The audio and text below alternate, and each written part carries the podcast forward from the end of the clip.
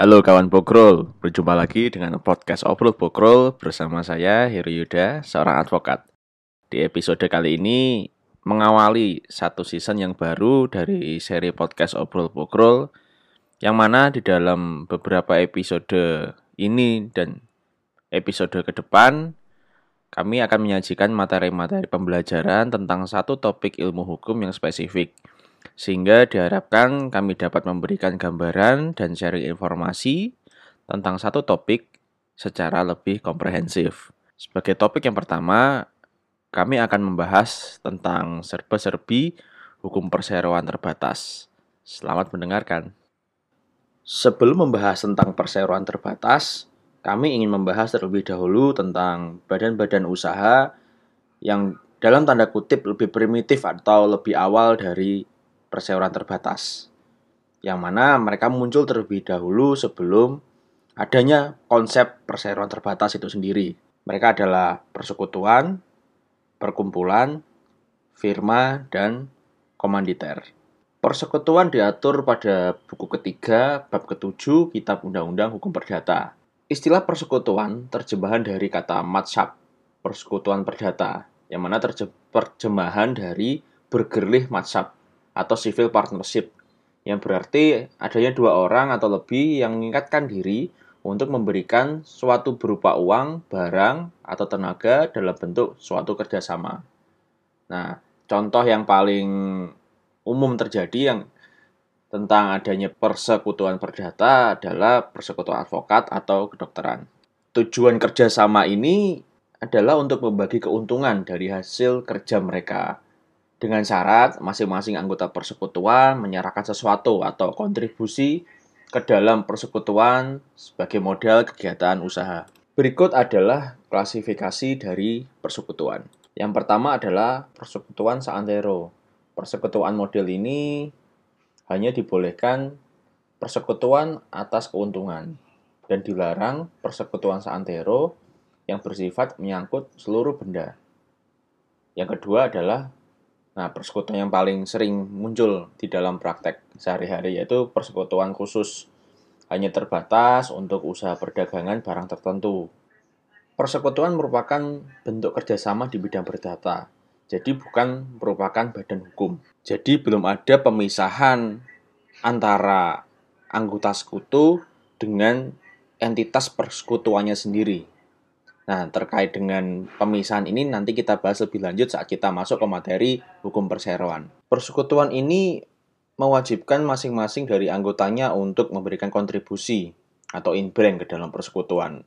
Bentuk-bentuk inbreng atau kontribusi sendiri ada bermacam-macam, yaitu bisa berupa uang, berupa barang, atau tenaga. Nah, menurut pasal 1626 Kitab Undang-Undang Hukum Perdata, Anggota atau sekutu persekutuan yang tidak memasukkan kewajiban yang dimaksud dianggap berutang bunga atas jumlah itu demi hukum. Terhitung sejak hari uang atau barang itu harus dimasukkan.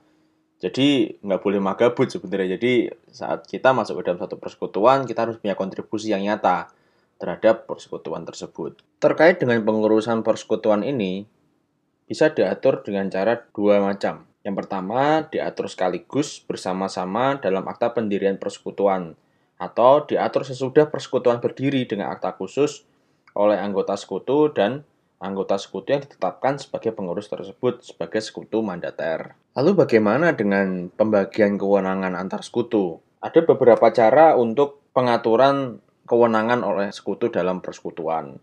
Yang pertama, memungkinkan masing-masing anggota peserta persekutuan mempunyai wewenang untuk melakukan semua hal yang berhubungan dengan tugas pengurusan persekutuan. Kecuali ada perjanjian yang membatasi berupa klausul bahwa setiap tindakan pengurusan harus pengetahuan anggota atau pengurus lain.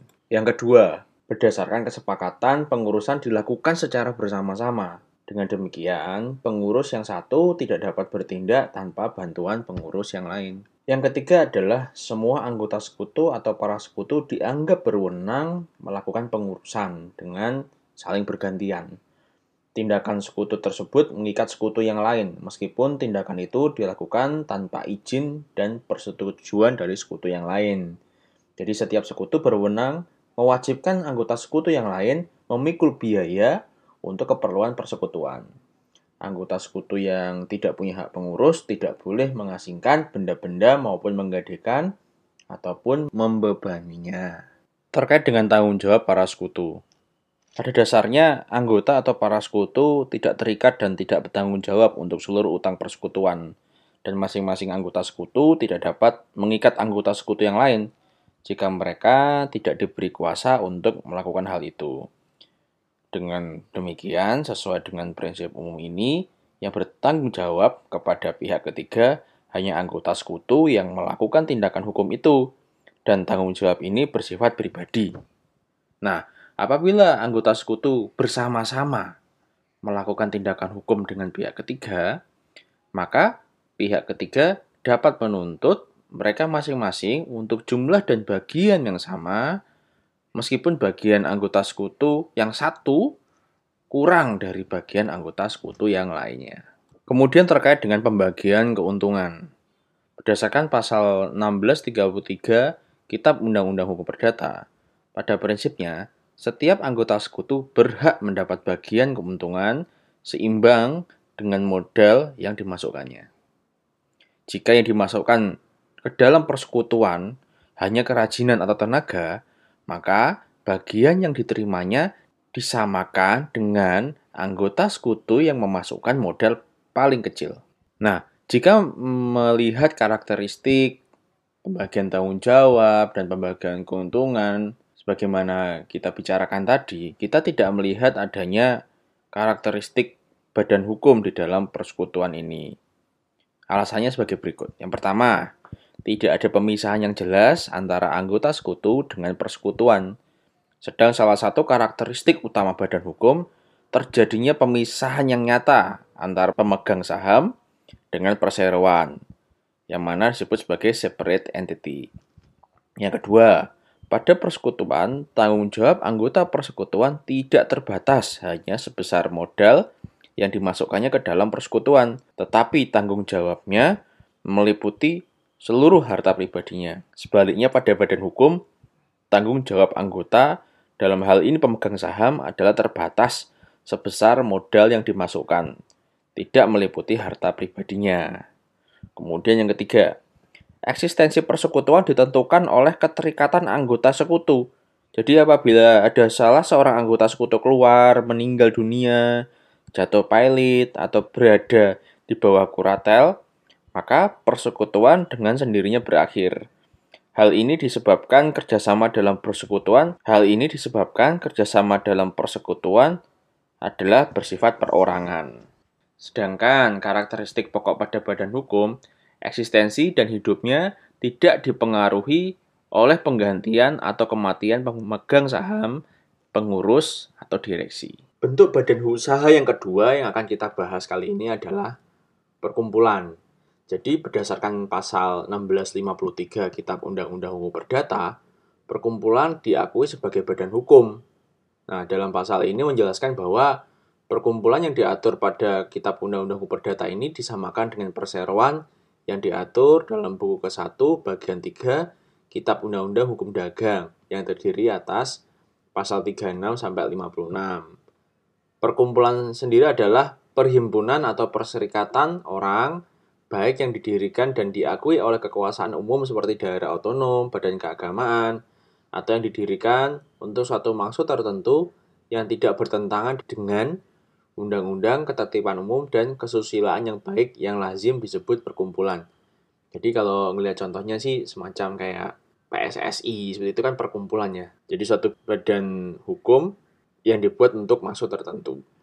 Pasal 1655 KUH Perdata menegaskan hal seperti ini. Para pengurus perkumpulan diberi kekuasaan bertindak untuk dan atas nama perkumpulan.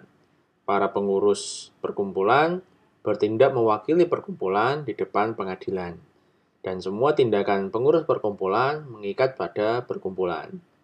Sekiranya perbuatan atau tindakan pengurus perkumpulan menyimpang, dan kewenangan atau kekuasaan yang diberikan kepadanya dalam anggaran dasar, tindakan itu tetap mengikat perkumpulan apabila tindakan itu memberikan manfaat kepada perkumpulan atau apabila tindakan itu disahkan rapat anggota. Kemudian apa sih kewajiban pengurus? Kewajiban pengurus perkumpulan wajib memberikan pertanggungjawaban kepada anggota atas kepengurusan perkumpulan yang disampaikan dalam rapat anggota. Nah, keputusan rapat anggota sendiri diatur dalam pasal 1659 Kitab Undang-Undang Hukum Perdata. Pertama adalah keputusan diambil dengan suara terbanyak. Yang kedua, masing-masing anggota perkumpulan mempunyai hak suara yang sama. Kemudian, apa sih tanggung jawab dari anggota perkumpulan?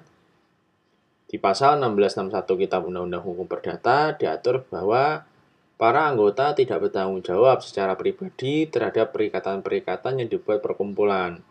Dan segala utang hanya dapat dilunasi dari harta kekayaan perkumpulan itu sendiri. Jadi di sini sudah terlihat nyata bahwa adanya pemisahan antara harta perkumpulan dan harta anggota atau harta pengurus. Jadi karakteristik dari badan hukum sudah terlihat nih. Jadi seperti adanya entitas yang tersendiri. Jadi tidak tidak digabung. Nah, pada dasarnya nih, perkumpulan itu bukan merupakan badan usaha yang bertujuan mencari keuntungan. Oke, sekarang kita lanjut lagi ke badan usaha yang ketiga, yaitu firma. Bentuk perusahaan firma itu diatur dalam buku ke-1, titel ketiga, bagian kedua, Kitab Undang-Undang Hukum Dagang. Secara umum, firma itu berarti teman, sekutu, atau kawan.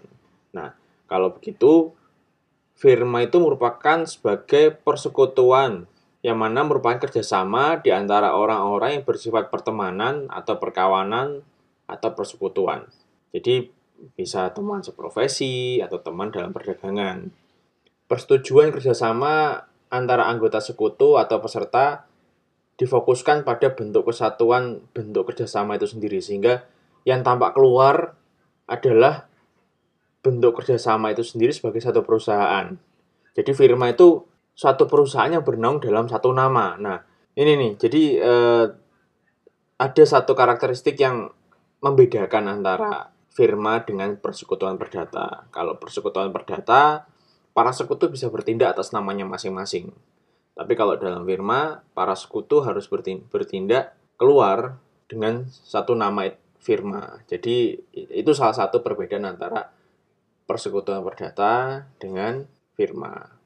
Kemudian terkait dengan kepengurusan dan tanggung jawab. Ya, pada prinsipnya setiap sekutu berwenang untuk berbuat atau bertindak keluar atas nama firma. Tindakan atau perbuatan itu mengikat kepada sekutu atau anggota firma yang lain terhadap pemenuhan kewajiban yang timbul dari tindakan itu kepada pihak ketiga. Nah, untuk bertindak keluar, anggota firma tidak memerlukan kuasa dari anggota yang lain. Namun demikian, semua anggota firma bertanggung jawab sepenuhnya secara kolektif kolegial kepada pihak ketiga. Menurut pasal 17 ayat 2 Kitab Undang-Undang Hukum Dagang, pembebanan tanggung jawab secara kolektif kolegial hanya dibebaskan apabila tindakan yang dilakukan anggota firma itu melampaui batas kewenangan atau kapasitas firma. Meskipun pada dasarnya firma mempunyai modal yang terpisah dari kekayaan para anggotanya, penerapan tanggung jawab tidak ditegakkan berdasarkan prinsip tanggung jawab terbatas yang hanya pada kekayaan firma saja, tetapi menjangkau kekayaan pribadi anggotanya. Dengan demikian, kreditor terhadap firma tidak hanya berhak menuntut tanggung jawab pemenuhan kewajiban utang dari kekayaan firma saja, tapi menembus kepada milik pribadi anggota firma. Kemudian, cara mendirikan firma harus menggunakan akta notaris. Hal ini diatur dalam pasal 22 Kitab Undang-Undang Hukum Dagang. Namun, ketentuan ini tidak mengandung sanksi, sehingga akta notaris tersebut tidak dapat dianggap sebagai probationes causa. Kemudian setelah dibuat dengan akta notaris, akta firma didaftarkan ke paniteraan pengadilan negeri. Kemudian setelah didaftarkan di kepaniteraan pengadilan negeri di mana wilayah hukum firma berkedudukan, wajib diumumkan dalam berita negara. Kemudian berakhirnya ke persekutuan firma.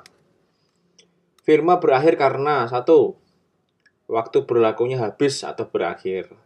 Yang kedua, kesepakatan para anggota untuk membubarkan firma. Yang ketiga, salah seorang anggota meninggal, keluar, atau di bawah perwakilan atau pengampuan. Yang keempat, tujuan firma telah tercapai. Kemudian kalau firma berakhir, ada hal-hal yang harus dibereskan atau diselesaikan. Yang harus dilakukan oleh anggota firma saat membubarkan firma, yang pertama, menyelesaikan semua persetujuan yang masih berjalan dengan pihak yang bersangkutan. Yang kedua, menagih, membayar, mengembalikan barang atau uang kepada yang berhak. Lalu misalkan nih, eh, saat firma sudah akan berakhir, namun ada anggota dari firma yang ingin melanjutkan ke pengurusan firma. Apa sih yang bisa dilakukan? Jadi kalau ada anggota firma yang ingin melanjutkan firma, dapat menggunakan nama yang sama, tapi prosesnya dimulai dari awal lagi dituangkan dalam akta notaris, didaftarkan, didaftarkan ke pengadilan negeri, kemudian diumumkan dalam berita negara. Tapi sebenarnya ya, di dalam anggaran dasar firma, bisa juga dijanjikan bahwa firma itu tetap ada meskipun adanya kondisi-kondisi di mana anggota sekutu tidak bisa melanjutkan kepengurusan firma. Jadi, jika para anggota sekutu firma membuat perjanjian yang menyatakan Anggota yang tinggal dapat melanjutkan keberadaan dan kehidupan firma apabila anggota yang lain keluar atau meninggal. Firma tidak bubar atau berakhir, tapi diteruskan oleh anggota sekutu firma yang bertahan. Jadi, untuk mengakali adanya kondisi bahwa adanya kemungkinan bahwa akan adanya anggota keluar atau meninggal, di dalam anggaran dasar firma bisa dicantumkan klausula seperti ini. Kemudian, firma bisa nggak sih dipilotkan? Nah, kita kembali lagi ke konsep bahwa firma bukan merupakan suatu badan hukum. Jadi firma tidak dapat dipilotkan karena firma itu tidak dapat dipisahkan dari pengurusnya. Jadi yang bisa dipilotkan adalah pengurusnya. Kemudian badan usaha yang keempat yang akan kita bahas hari ini adalah persekutuan komanditer atau yang sering kali kita dengar itu dalam bentuk uh, disebut sebagai CV atau komanditer fellowship Nah, landasan hukum dari komanditer fellowship atau persekutuan komanditer ini ada di pasal 19 sampai 35 Kitab Undang-Undang Hukum Dagang. Melihat definisinya dari persekutuan komanditer adalah persekutuan dengan jalan meminjam uang atau disebut dengan persekutuan komanditer. Diadakan antara seorang sekutu atau lebih yang bertanggung jawab secara pribadi untuk seluruhnya dengan seorang atau lebih sebagai peminjaman uang. Jadi, persekutuan komanditer atau limited partnership terdapat satu atau beberapa orang sekutu komanditer. Sekutu komanditer ini hanya menyerahkan uang saja, barang atau tenaga sebagai pemasukan pada persekutuan komanditer. Sekutu komanditer yang hanya meminjamkan modal kepada persekutuan tidak turut campur tangan dalam pengurusan atau penguasaan dalam persekutuan. Kemudian, apa sih status hukum dari sekutu komanditer? Status hukum dari sekutu komanditer ini dapat disamakan sebagai meminjamkan atau menanamkan modal pada satu perusahaan dengan mengharapkan keuntungan. Nah, kalau melihat dari struktur awalnya, kita bisa melihat nih karakteristik dari persekutuan komanditer. Jadi, ada ter terdapat dua macam sekutu dalam persekutuan komanditer. Yang pertama, sekutu pengurus atau sekutu komplementer yang bertindak sebagai persero pengurus dalam persekutuan komanditer. Selain itu, sekutu komanditer yang juga ikut memberi pemasukan modal sekutu komplementaris sekaligus menjadi sekutu komanditer. Kemudian sekutu komanditer yang disebut juga sekutu nggak kerja, sekutu tidak kerja yang statusnya hanya sebagai pemberi modal atau pemberi pinjaman. Oleh karena sekutu komanditer tidak ikut mengurus persekutuan komanditer, dia tidak ikut bertindak keluar. Kemudian di pasal 20 Kitab Undang-Undang Hukum Dagang hanya dikenal komanditer dengan penanaman modal, di mana status dan tanggung jawab mereka adalah tidak mencampuri pengurusan perusahaan, atau tidak bekerja dalam perusahaan komanditer tersebut. Mereka hanya menyediakan modal atau uang untuk mendapatkan keuntungan dari laba perusahaan. sehingga mereka disebut sekutu penanaman modal terbatas. Kerugian persekutuan komanditer yang ditanggung sekutu komanditer hanya terbatas sebesar jumlah modal yang ditanamkan. Kemudian nama sekutu komanditer tidak boleh diketahui. Itu sebabnya mereka disebut komanditer, yang berarti sleeping partner atau silent partner. Sehingga yang mempunyai hak atau kewenangan untuk bertindak keluar adalah sekutu komplementaris. Kemudian apa sih patokan-patokan yang, yang bisa kita lihat terkait sekutu komplementaris ini? Jadi yang bertindak keluar hanya anggota pengurus yang disebut anggota komplementaris. Apabila anggota komanditaris ikut mencampuri pengurusan perusahaan, dia akan memikul akibat hukum, yakni dianggap secara sukarela ikut mengikatkan diri terhadap semua tindakan pengurus. Oleh karena itu, ia ikut bertanggung jawab secara pribadi memikul seluruh utang persekutuan komanditer secara kolektif kolegial dengan komplementer. Lalu ada satu karakteristik lagi yang cukup unik dari persekutuan komanditer. Meskipun bentuknya sudah mirip-mirip dengan perseroan terbatas, adanya pemegang saham dan pengurus, namun kalau anggota komanditeris pemegang saham persekutuan meninggal dunia atau pilot, sama sekali tidak mempengaruhi eksistensi dari kelangsungan persekutuan tersebut. Jadi kalau anggota komanditaris atau pemegang saham persekutuan komanditer atas saham meninggal dunia atau pilot, hal itu sama sekali tidak mempengaruhi eksistensi kelangsungan persekutuan tersebut. Namun sebaliknya, kalau yang meninggal dunia adalah anggota komplementaris atau anggota pengurus, persekutuan komanditer atas saham berakhir dan bubar. Dan selanjutnya diadakan pemberesan. Hal ini berbeda dengan perseroan terbatas. Meninggalnya atau digantinya anggota direksi tidak mempengaruhi eksistensi dan kelanjutan kehidupan perseroan. Demikian episode pertama dari seri belajar tentang hukum perseroan terbatas. Nantikan episode-episode kami selanjutnya. Terima kasih.